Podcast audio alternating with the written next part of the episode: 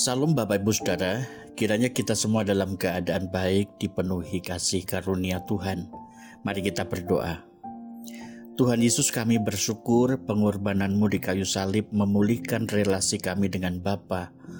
Oleh karena anugerahmu, kami bersyukur dalam nama Tuhan Yesus. Amin.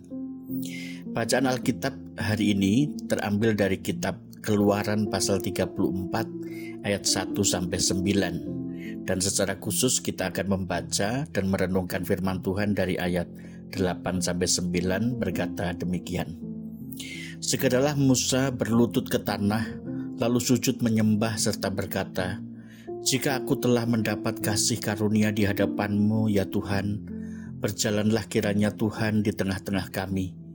Sekalipun bangsa ini suatu bangsa yang tegar tengkuk, tetapi ampunilah kesalahan dan dosa kami ambillah kami menjadi milikmu. Allah yang kasih sekaligus adil. Tuhan mengulangi perintahnya supaya Musa kembali menghadapnya dan menerima lagi berbagai peraturan Taurat.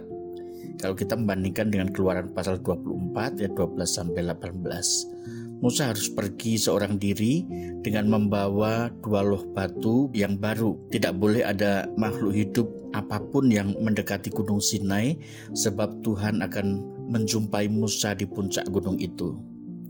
Hal ini merupakan jawaban Tuhan bagi permohonan Musa dalam pasal 33 yang dilakukannya sebagai peneguhan janjinya bagi Musa dan Israel.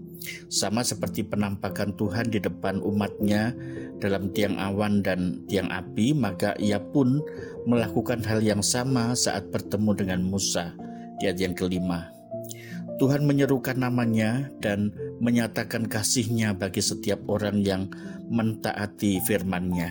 Ayat 5 sampai 7. Pada saat itu juga terjadi pengulangan jawaban yang sama yang pernah ia berikan kepada Musa.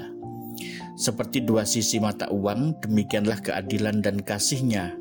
Ia mengasihi setiap orang yang berbalik kepadanya namun ia tetap menghukum semua orang yang melanggar peraturan dan hukumnya. Meski demikian, kasih Tuhan melampaui hukumannya kepada umatnya. Peristiwa itu meneguhkan Musa akan penyertaan Tuhan atas umatnya Israel yang telah Tuhan sudah lepaskan dari penjajahan Mesir. Musa menyadari dengan penuh bahwa tanpa Tuhan sendiri yang berpihak kepadanya dan umatnya, mereka tidak mungkin berhasil tiba di tanah perjanjian.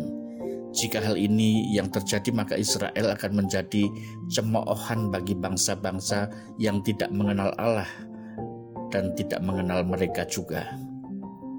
Hanya orang-orang yang takut akan Tuhan yang mengerti arti hukuman Tuhan.